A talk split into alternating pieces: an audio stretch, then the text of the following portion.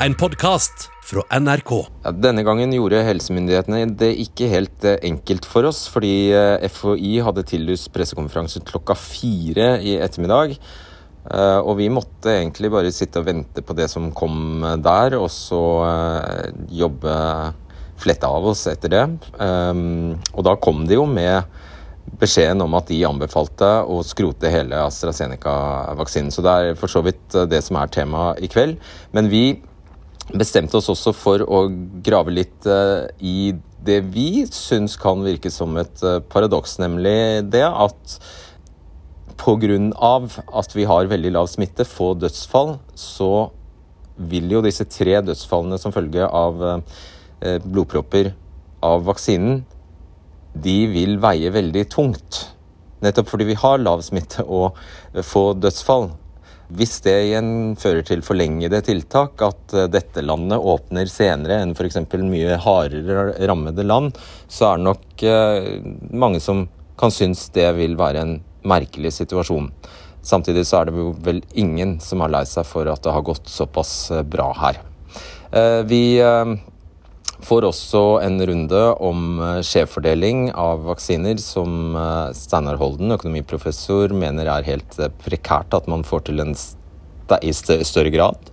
Og så er vi innom Danmark en tur, fordi der har jo myndighetene bestemt seg for faktisk å stanse AstraZeneca-vaksinen permanent. Og det er diskusjon der om, om det også, om man ikke er overivrige, går debatten på i Danmark.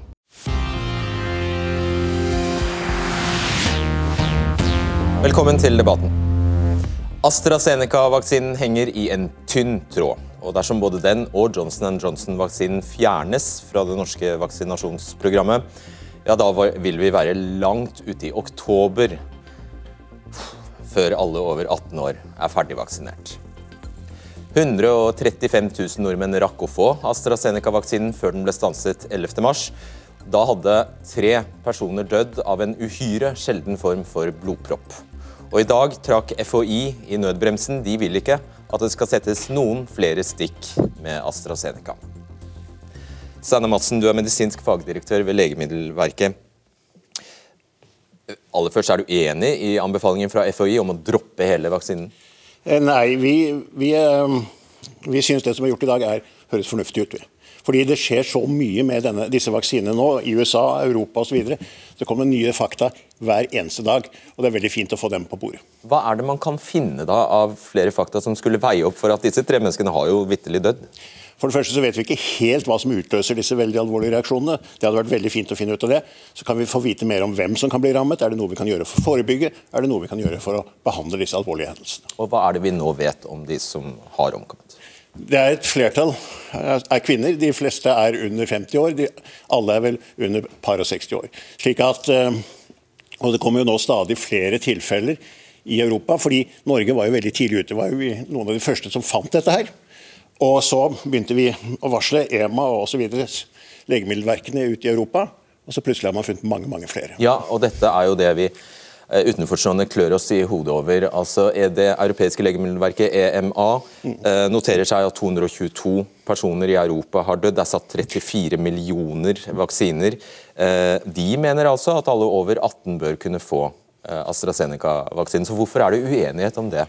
Jo, Det har jo med nytte-risikotenkningen å gjøre. fordi Alle vaksiner gjør en nytte, alle har en risiko. Og Hvordan er balansen? I et land som Norge så er det en annen balanse enn f.eks. et land som ligger helt på knærne pga. en katastrofal pandemi. Så det at vi har vært forskånet fra så mye død og fordervelse som mange andre land har gått gjennom, det har paradoksalt nok da, ført til at vi er i en situasjon der vi ikke kan tillate dødsfall av vaksinen? Ja, Det betyr at Folkeinstituttet må gjøre en annen risikovurdering enn det hadde måttet gjøre i mange andre land. Er du enig i at det er et paradoks? Nei, det er ikke noe paradoks. Dette er sånn det skal være. nemlig det at eh, Nytte og risiko ved medisiner varierer fra land til land, avhengig av situasjonen. Og Det skal vi komme nærmere inn på, Anne Spurkeland. Dette med ikke bare land for land, for land men også kontinent, eh, kontinenter eh, er viktige her. Fordi bare, Vi kan jo egentlig starte der. Dette var den vaksinen, den billige, ja. forholdsvis enkle vaksinen som skulle redde store deler av landet i sør. Ja, og Det er jo fordi at den er veldig lett å, å distribuere. Den eh, behøver ikke å være kaldt, og den eh, har lang holdbarhet. Og så koster den ikke så mye heller. Så ja. Det, Så på hvilken måte bør det også veie, eh, være med i potten når et rikt og velstående land som Norge tar, fatter en beslutning? Altså jeg oppfattet dagens beslutning som å adressere det der på en klok måte. På den ene side så uh, syns vi at folkehelsa synes at denne må vi ta ut. Regjeringen sier at vi venter og ser, vi må vite mer. Og vi setter ned et ekspertutvalg. og Da har man på en måte fått tatt vare på alle hensyn. Uh, og som Madsen sier, dette er en situasjon som har utviklet seg dag for dag og minutt for minutt. Så, uh, og det er helt sikkert mer informasjon som kommer de neste ukene. Så det er klokt å være tilbakeholdne med å trekke helt tydelig konklusjon. Betyr det at du var uenig med FHI, som ville skrote den fullt ut? Nei, det var det jeg trodde de ville komme til å eh, konkludere med. Så Det som er litt overraskende, er at regjeringen eh, da sier at ja, men vi må se litt nærmere på det, vi må ha et ekspertutvalg. og Jeg syns det er en klok beslutning. Så litt om disse vaksinene. Mm. Jan, eh, Johnson Johnson, eller Janssen-vaksinen som den også kalles forvirrende nok, eh, er av samme type fordi den bruker fordi du kan forklare, forklare ja, det dette så mye bedre. Ja, det er samme teknologi. Altså, dette er en relativt moderne måte å lage vaksiner på, hvor man bruker et forkjølelsesvirus, et uh, ufarlig virus, som, som bærer av av det genet som skal lage spark, koronaproteinet som vi skal lage antistoff mot. Så, så man bruker en forkjølelsesvirus som en vektor for å få dette inn i cellene våre. og man har ikke vaksinert millioner eh, tidligere med den vaksinen. Man har bare vaksinert noen hundre tusen, og da så man ikke denne veldig sjeldne bivirkningen. Eh, men de to vaksinene, da, AstraZeneca og Janssen, de bruker samme prinsipp. Selv om akkurat viruset er litt forskjellig, så er det samme prinsipp. Så det er ikke overraskende at også Janssen ser ut til å ha eh, noe av det samme problemet. Kanskje. Og Hva er det som helt konkret skjer i kroppen? da? Ja, Det vet man jo faktisk ikke. da. Men uh, når vaksinen kommer inn i kroppen, så vil uh, viruset feste seg på overflatemolekyler som gjør at det kan komme inn i cellene. Og det, Sånne molekyler har blodplater også. Slik at blodplater er en del av infeksjonsforsvaret mot virus. Og det vil kunne binde seg til dette vektorviruset. Hva er en vektor? Hva er det? Ja, det er, Vektor er noe som bærer noe fra et sted til et annet. Så det er altså denne... Som en vekter, altså? Ja, ja som en vekter, kan du si. Så, så det er altså eh, Vaksinen er dette forkjølelsesviruset som har med seg spike-genet for å lage en reaksjon mot det. Men viruset fester seg på blodplatene også.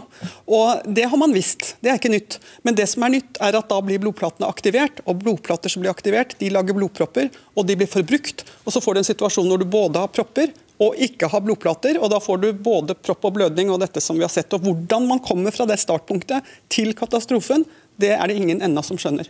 Nettopp. Er det helt likt det som har skjedd med de sju tilfellene i USA? som ja, vi har sett i Norge? Ja, det ser sånn ut. Ja.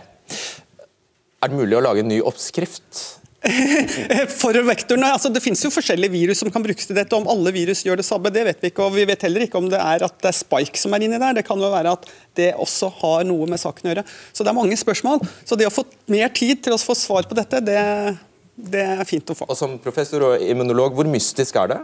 Dette er veldig mystisk, rett og slett. Det er, altså, det er, for, altså, vi er mange immunologer som har diskutert dette oss imellom, og vi skjønner jo ikke ennå hva det er. Uff.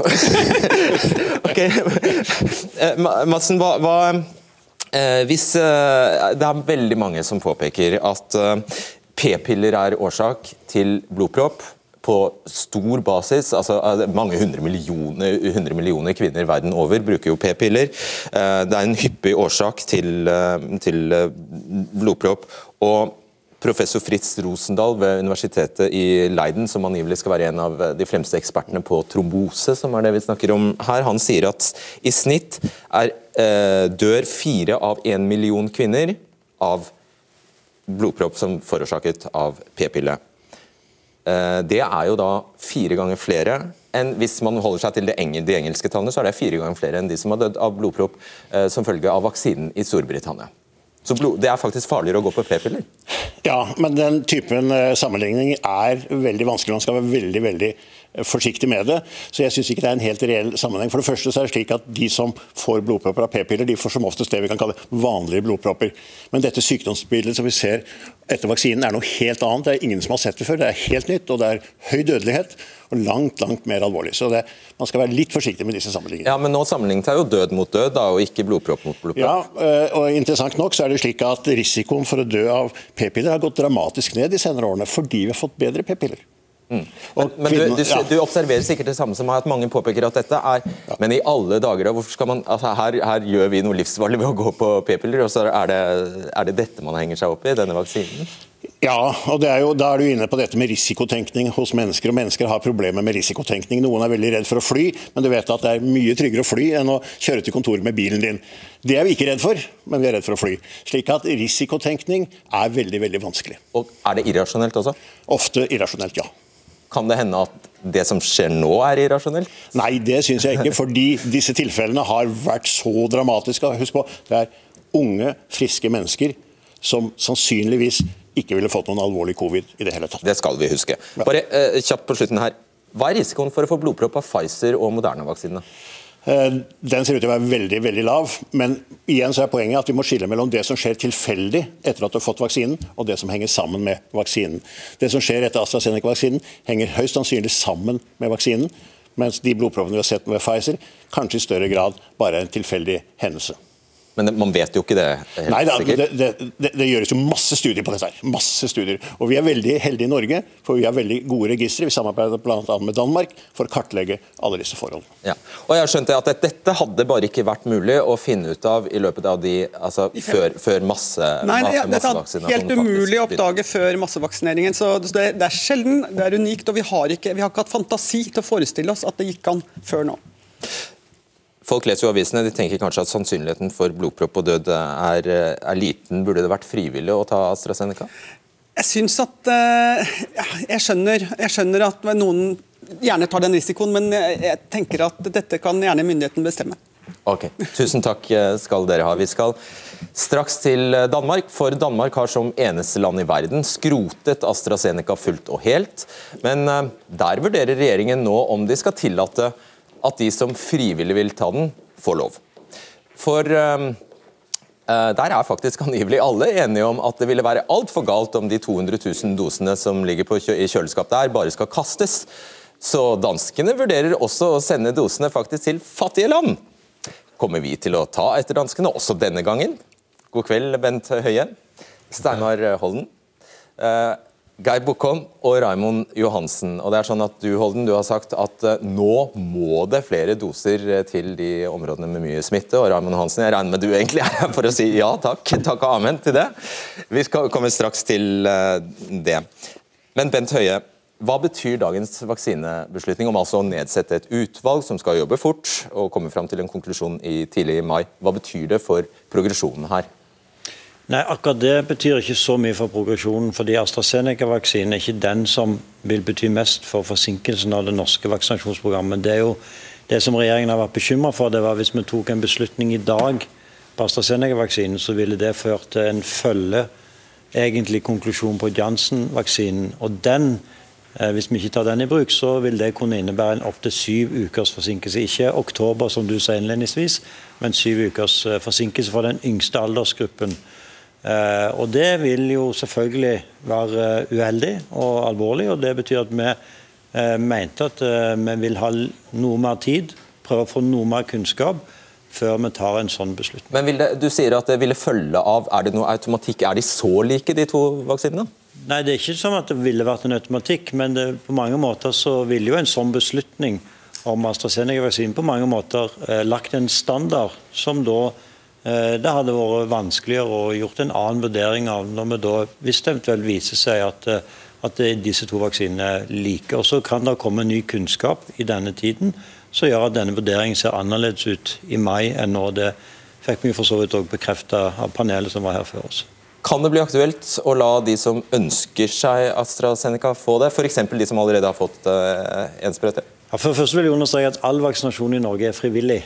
Så alle velger om de vil la seg vaksinere. Men vi har jo foreløpig ikke latt folk få lov til å velge hvilken vaksine de skal få, men de kan jo avstå å vaksinere seg med den vaksinen som de tilbys.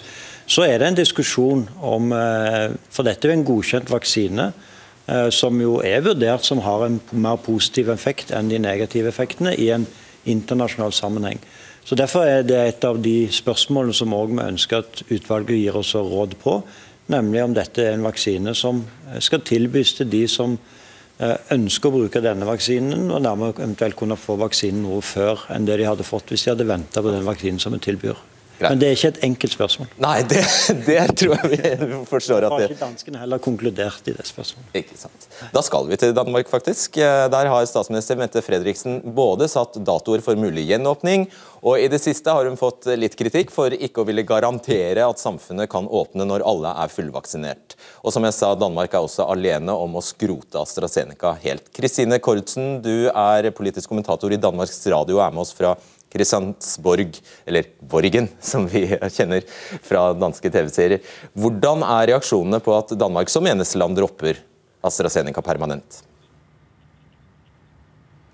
Jamen, der er jo en del diskussion om, om det er forsigtigt, at man helt holder op med at vaccinere med AstraZeneca, øh, eller om man burde, som man jo har gjort i andre lande, for eksempel Sverige, sætte en aldersgrænse, så man øh, vaccinerede øh, folk over en bestemt alder med, med den her vaccine. Så selvfølgelig er der i dag en masse diskussion om, om det var en rigtig beslutning, som sundhedsmyndighederne har truffet. Ja, det, eh, det er kanskje selvsagt, men det vil kunne få konsekvenser for gjenåpningsplanen? Ja, det er der ikke rigtig nogen, der ved endnu, fordi vi ved ikke øh, præcist, hvor meget det vil forsinke øh, vaccineplanen i, øh, i Danmark.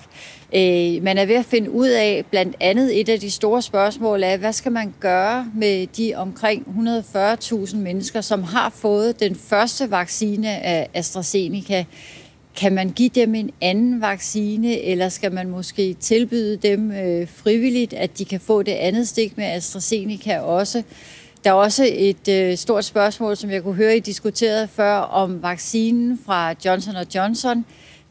Hvornår kommer den i gang? Og, og det er en af de vacciner, som Danmark har købt øh, rigtig store doser af. Så det er også en af de ubekendte i, hvor hurtigt man kan få vaccineret øh, folk over 50, som ligesom er skæringstidspunktet for, hvornår man forventer, man for alvor kan, kan åbne.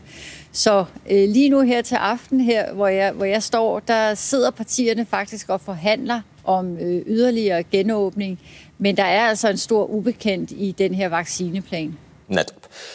Og så er det slik jeg sa, at uh, det vurderes også om man skal tilby disse AstraZeneca-dosene til fattige land. Er det kontroversielt?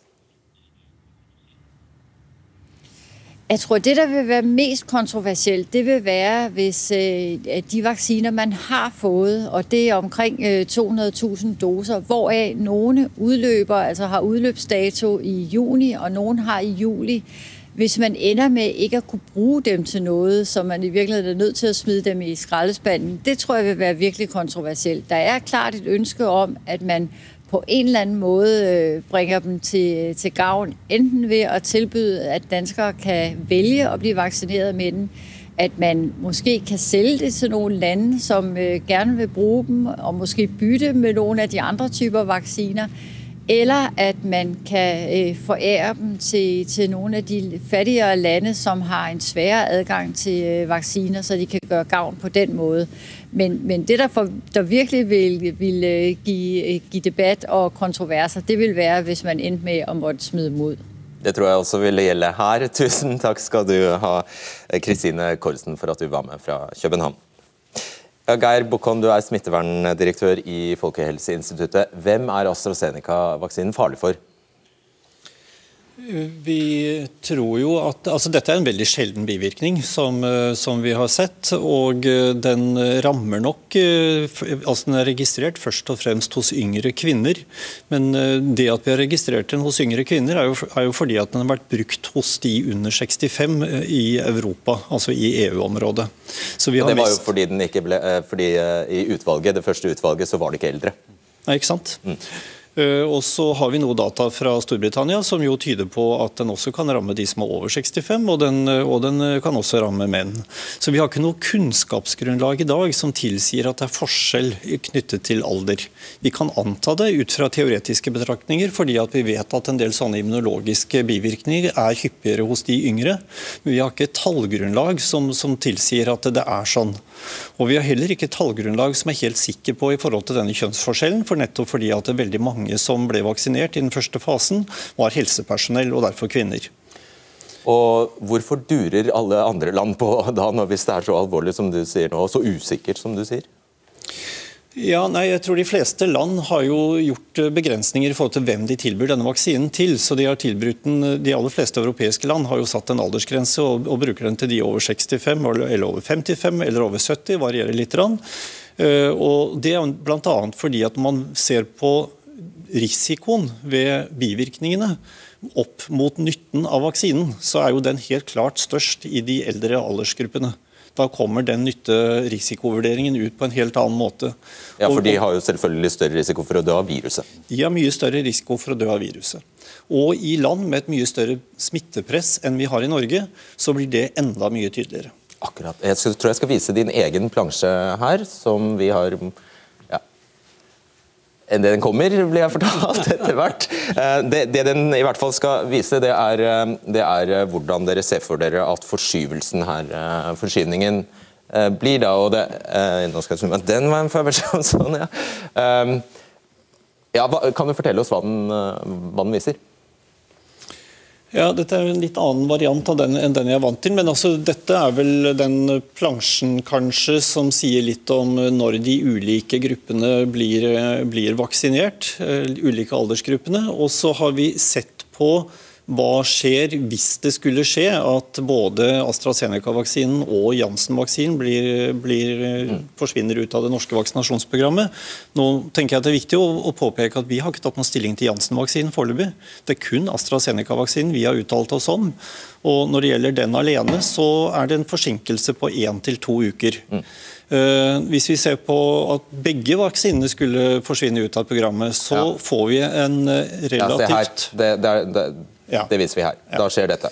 Da skjer dette, og vi får altså en, en relativt uh, Altså vi får ingen forsinkelse ned til 64 år, som dere ser.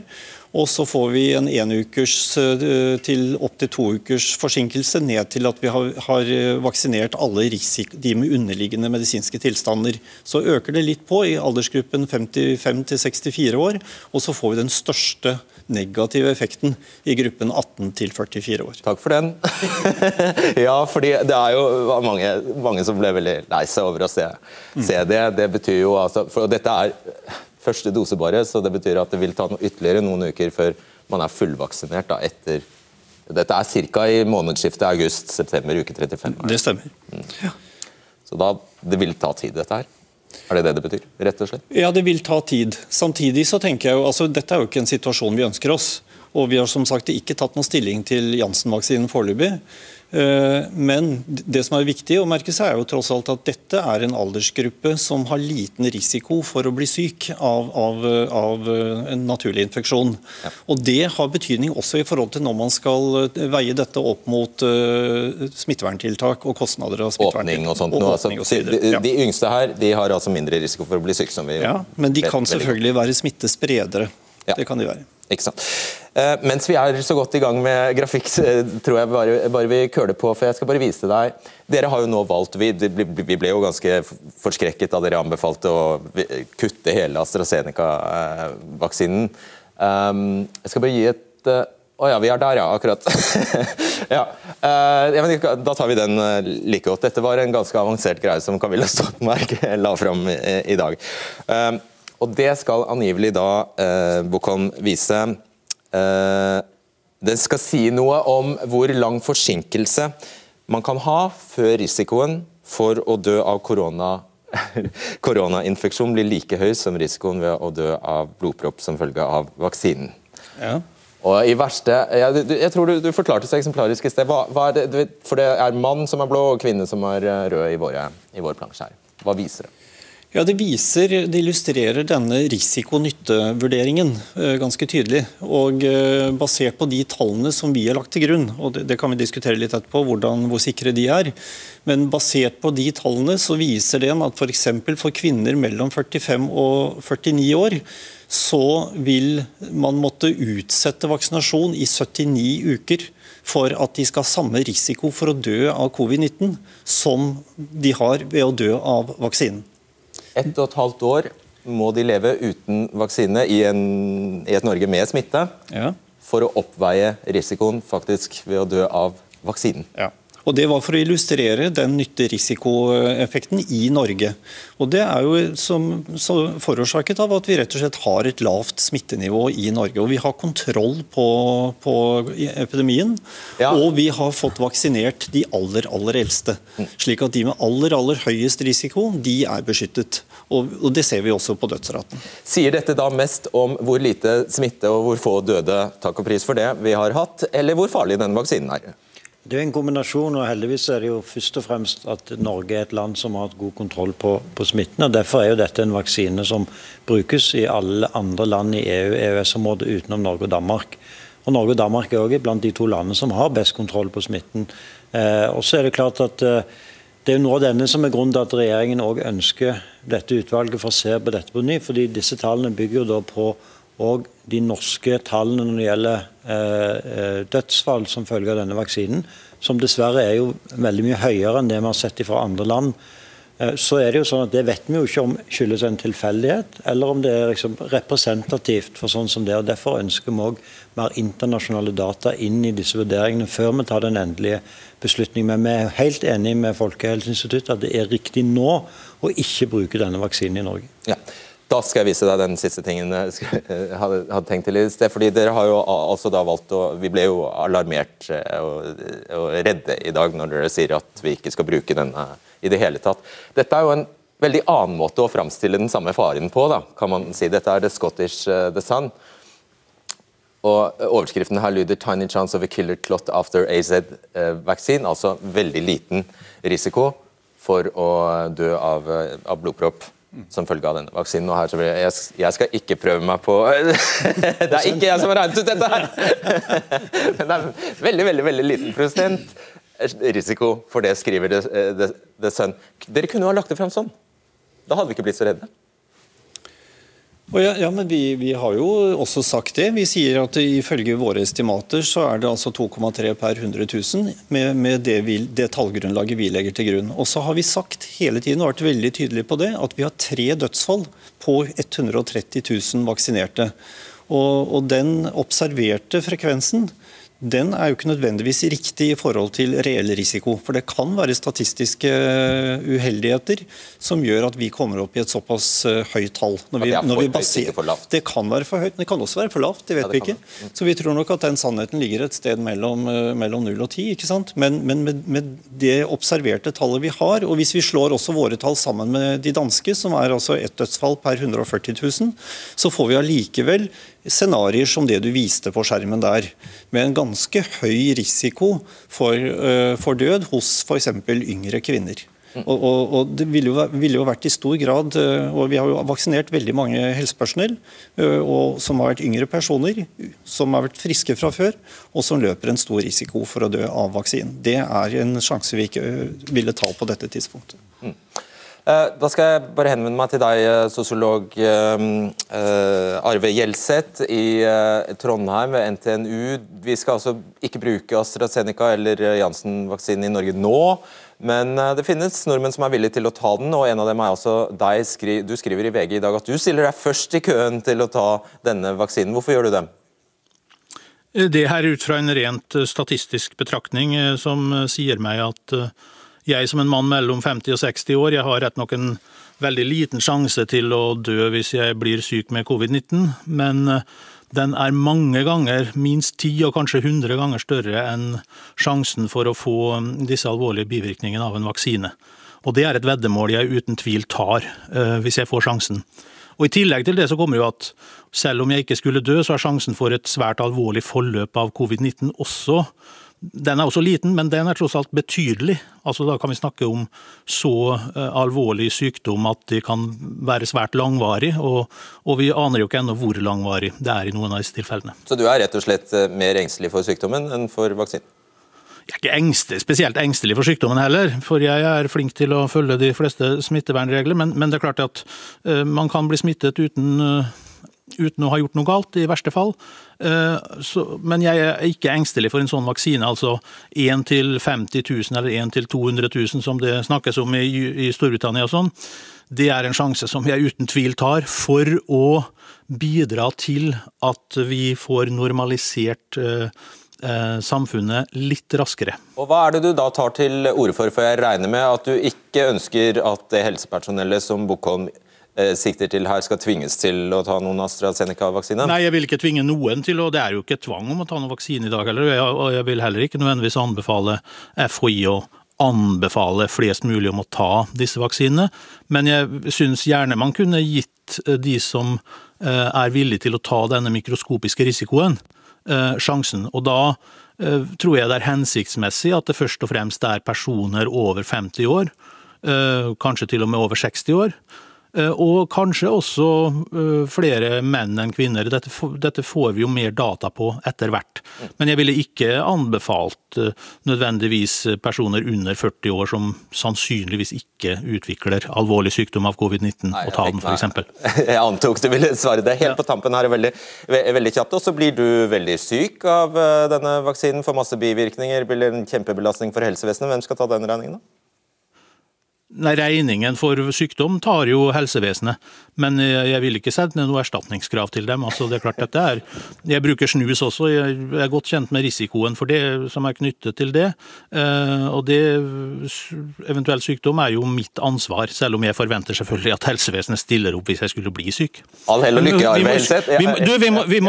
Vi må huske bare én ting, vi må huske at hvis vi som ønsker disse vaksinene, vaksinerer oss, så skader vi ingen andre. Tvert imot så setter vi andre også i en bedre situasjon, fordi vi bidrar til å eh, beskytte også andre, og vi bidrar til at eh, de økonomiske og sosiale, og kanskje også psykiske, konsekvensene eh, blir mindre fordi vi kanskje får normalisert litt mer, litt raskere.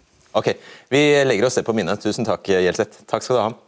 Ja, Steinar Holden, nå har du ventet lenge. Du er økonomiprofessor ved Universitetet i Oslo. Du har, eh, som jeg nevnte her, du har sagt at eh, vi må, de må bare sette i gang og skjevfordele langt mer enn de gjør i dag. Vaksine, vaksinesituasjonen tatt i betraktning. Hvorfor, hvorfor det? Det er jo store forskjeller i smittenivå i ulike deler av landet nå. Og, og noen steder har ti eller mer enn ti ganger høyere smittenivå enn andre steder. Og Det betyr jo at eh, risikoen for å bli smittet på det området med høyt smittenivå er jo mye mye større. Så selv om en 60-åring som blir utsatt for smitte, eh, har en tre ganger så høy risiko for å dø som en 50-åring, så hvis er, forskjellen i smittenivå er ti ganger, så, så 50-åringen har ti ganger så høy risiko for å bli smittet, så er det 50-åringen som har størst risiko for å dø. Og forskjellen i, i risiko for sykeinnleggelse er enda større i disfavør av 50-åringen. Så jeg mener jo at, at, er, eh, at vaksinene bør gis til de som har størst risiko for å få alvorlig Eh, eh, sykdom og dø, dø, eller dø eh, fra eh, vaksinene. Det gjør man ikke i dag. Og Skal vi henge bjella på katten da, så snakker vi gjerne om de som er litt kanskje over 50 år i Oslo og i visse bydeler i Oslo og i Viken. Er det så spesifikt? Så, så, Der har man jo allerede prioritert. Så, så, det er nok eh, det jeg først og fremst nok tenker på, det er at man burde utvide dette området. Så, så det er jo eh, andre deler av Viken, tidligere Østfold, Drammen, resten av Eh, Oslo. Så, så, jeg tenker at, eh, at, målet må, med vaksineringen må være å få færrest mulig døde og alvorlig syke på landsbasis. Det er ikke det man holder på med nå. Eh, man burde forsøke å gjøre det. Og, og da ville man prioritert mer de områdene med høyest smittenivå. Ja, Kanskje det var overflødig å invitere deg, Raymond, for han har jo antagelig sagt alt, alt du kunne Nei, ønske deg. Men jeg kan jo, Når jeg først er her og bruker en kveld sammen med deg, så må jeg også få anledningen til å si noe. Ja. Oslo har nå ca. ferdigvaksinert 6% Vi har hatt hovedstaden stengt i seks måneder. Vi har 40 000 ledige. Vi vet at veien ut av eh, denne pandemien er vaksinering. Og vi ser på de tallene som legges fram med en forsiktig eh, tilleggsskjevfordeling. Så vil man redusere antall dødsfall, man vil redusere antall smitter, man, smittede, man vil redusere antall sykehusinnleggelser. Noe som vil være positivt for hele landet. Og Jeg er veldig enig når statsministeren snakker og legger en strategi for gjenåpning av Norge. Og Da mener jeg at hun sier gjenåpning av hele Norge. Jeg eh, håper ikke vi kommer i en situasjon hvor store deler av Norge er gjenåpnet og Oslo fortsatt er stengt. Fordi vi har hatt gjennom hele pandemien mye strengere tiltak enn de andre. Og vi vet at det hjelper å vaksinere. Det er positiv utvikling. Vi satt 10 000, nå satt vi 24 000. Det hjelper, men fortsatt er det bare 6% som er ferdigvaksinert. Så vi har et langt stykke igjen. For at vi skal forstå dimensjonene her. Av, de, av den gitte mengden vaksiner vi har nå og kommer til å få de nærmeste ukene, hvor mye mer mener du Oslo bør få? Hvis vi hadde, eh, og dette er jo ekspertisen står der, men hvis vi hadde hatt en ukes leveranse til Norge, sentrert på de områdene med høyest smitte, så ville vi da kraftig redusert smittefaren, øket muligheten for gjenåpning med de økonomiske, psykososiale og medisinske konsekvenser det har. Og Hvor mange kommer det i løpet av en uke? Ja, nå sa jeg at Det har vært en positiv utvikling. Vi har hatt 10 000 doser. Forrige uke hadde vi 24 000. Så får vi nå se. da, Det er stor eh, usikkerhet. og Jeg tror alle oss som sitter her krysser fingrene for at vi skal få økte mengder doser. fordi vaksiner er veien ut av pandemien, ikke minst for hovedstaden som har vært så hardt rammet. Er ikke dette veldig logisk? Jo, jeg er helt enig. Det er veldig logisk. Og vi tenker at vi er i en situasjon nå hvor vi må tenke på en mye mer, eh, vurdere i hvert fall en mye mer radikal fordeling, geografisk fordeling enn det vi har hatt til nå. Betyr det at det dere har gjort til nå har vært feil på noe? Nei, det mener vi ikke. Men vi mener at nå har vi fått vaksinert de som er aller eldst, og de som har, har de høyest risiko. og, og og som vi har vært altså, som har vært grunnlaget for den forsiktigheten vår i forhold til å vektlegge den geografiske fordelingen for mye. Eh, så, så, vi tenker at for det første se på en mer radikal eh, geografisk skjevfordeling, og også se på om vi skal målrette bruken av vaksinene til ulike aldersgrupper på en litt annen måte. Og Det kommer jo stadig spesielt frem når vi kommer ned til gruppen mellom 45 og 18 år. Da tror jeg det er viktig å se på, hvor er det vi, på, hvilke aldersgrupper er det vi vil ha størst effekt. Det vil ha effekt både på de tingene som er, som er diskutert eh, her i forhold til dødelighet og sykdom, men det vil også ha effekt på hvordan epidemien eh, utvikler seg videre. Og det vil faktisk også ha en effekt i forhold til risiko for mutasjoner. Jeg tror du skal få være helt konkret, for du snakker altså om å, om å begynne omfordele i den yngste, eller, ja, i den yngste aldersgruppa som, som, man skal vaksinere. Hva, helt konkret, hvem er det da som skal prioriteres? Ja, der hvor smitte, der blant de hvor, hvor, smittehyppigheten er størst. og Det må vi selvfølgelig vurdere i forhold Yngre til de tallene. Yngre mennesker i utsatte kommuner? Da. For eksempel, ja. Samtidig så har vi jo hatt en, en endring av fordelingsnøkkelen, som bl.a. gjør at Oslo har kommet ganske langt nå i det siste. I enkelte bydeler, og, og det er vi veldig, i, i, ja, i noen bydeler så er det jo nede på, på 40-årene som vaksineres nå med første dose, og i veldig mange bydeler har man vaksinert ned til 65. slik at man har et veldig godt grunnlag for å tenke nytt, f.eks. både i Oslo og i kommunene rundt Oslo. Og så tror jeg det er viktig også at vi tenker på at første dose gir god immunitet. Så det, er, det blir feil å bare opp, operere med hvem som er fullvaksinert. Altså Immuniteten i samfunnet er i stor grad avhengig av hvem som har fått første men, dose. Men Geir, da må vi også ta den diskusjonen når det gjelder gjenåpning, og få også veldig klare råd, bl.a. fra Folkehelseinstituttet, når det gjelder hvor langt kan vi gå. fordi med gjenåpning i trygghet og forvissning om at smittespredningsfaren er redusert. Dette er jo krevende, krevende beslutninger, og vi står jo alle nå i et sterkt ønske om å kunne gjenåpne raskest mulig. Men fortsatt så er det 6% som er bare er helvaksinert. Og så er det åpenbart immunitet også for de som bare har tatt én dose. Nå hadde jeg tenkt å stille, stille spørsmål til Høie om, at, eh, om, hvor raskt han har tenkt å få dette i stand. Men jeg tror du, du for du er jo en påholden mann eh, som er lite alarmistisk ellers. Men, eh, men det er jo en grunn, må jo være en grunn til at du rykker ut med dette nå. fordi Det må jo være det at det haster, faktisk? Ja, det haster, og det burde jo vært gjort før. Altså Hvis man ser nå på antall sykehusinnleggelser, for å ta det, så er det nå fem i uka i Oslo per 100 000. Og så er det under én til to i de andre fylker. Så hvis man hadde eh, vaksinert 100 000 tilfeldig i Oslo, og så tatt vaksinene fra 100 000 tilfeldige andre steder, så hadde man da redusert antall sykehusinnleggelser i Oslo med fem i uka. Også der stedet man, hvor man tok fra, så hadde man hatt en sykehusinnleggelse i uka ekstra. Eh, og Så er det klart at eh, så gir man jo ikke tilfeldig til folk i Oslo, som man ville prioritert litt. og Så ville det nok rammet noen eh, der ute. Men, men, den forskjellen er stor. Og I de beregningene man har hatt, så, så, har man ikke hatt så store forskjeller i smittenivå. Nå er det veldig store forskjeller i smittenivå, så dette gir store utslag. og Derfor så håper jeg at det skjer veldig fort og i tilstrekkelig omfang. For det har det ikke skjedd hittil. Dere er flinke til å gjøre ting så raskt at dere ikke engang følger Grunnloven. Bent Høie, så dette kan jo, det, vi vet at dere kan når dere må? Ja, og dette har vi jo gjort allerede. Jeg synes det er ganske litt urimelig av Reim Hansen å snakke om de 6 prosentene, fordi virkeligheten er jo at i Oslo nå, i de bydelene som har vært hardest rammet, så vaksinerer nå folk eh, godt ned i 40-årene.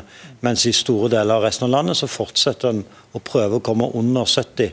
Eh, så det er mange i Norge nå som ser på denne debatten som blir veldig overraska når de hører at i Oslo så vaksinerer en mennesker i 40-årene, for i deres lokalmiljø så må han være over 70 for å ha fått en time til vaksine.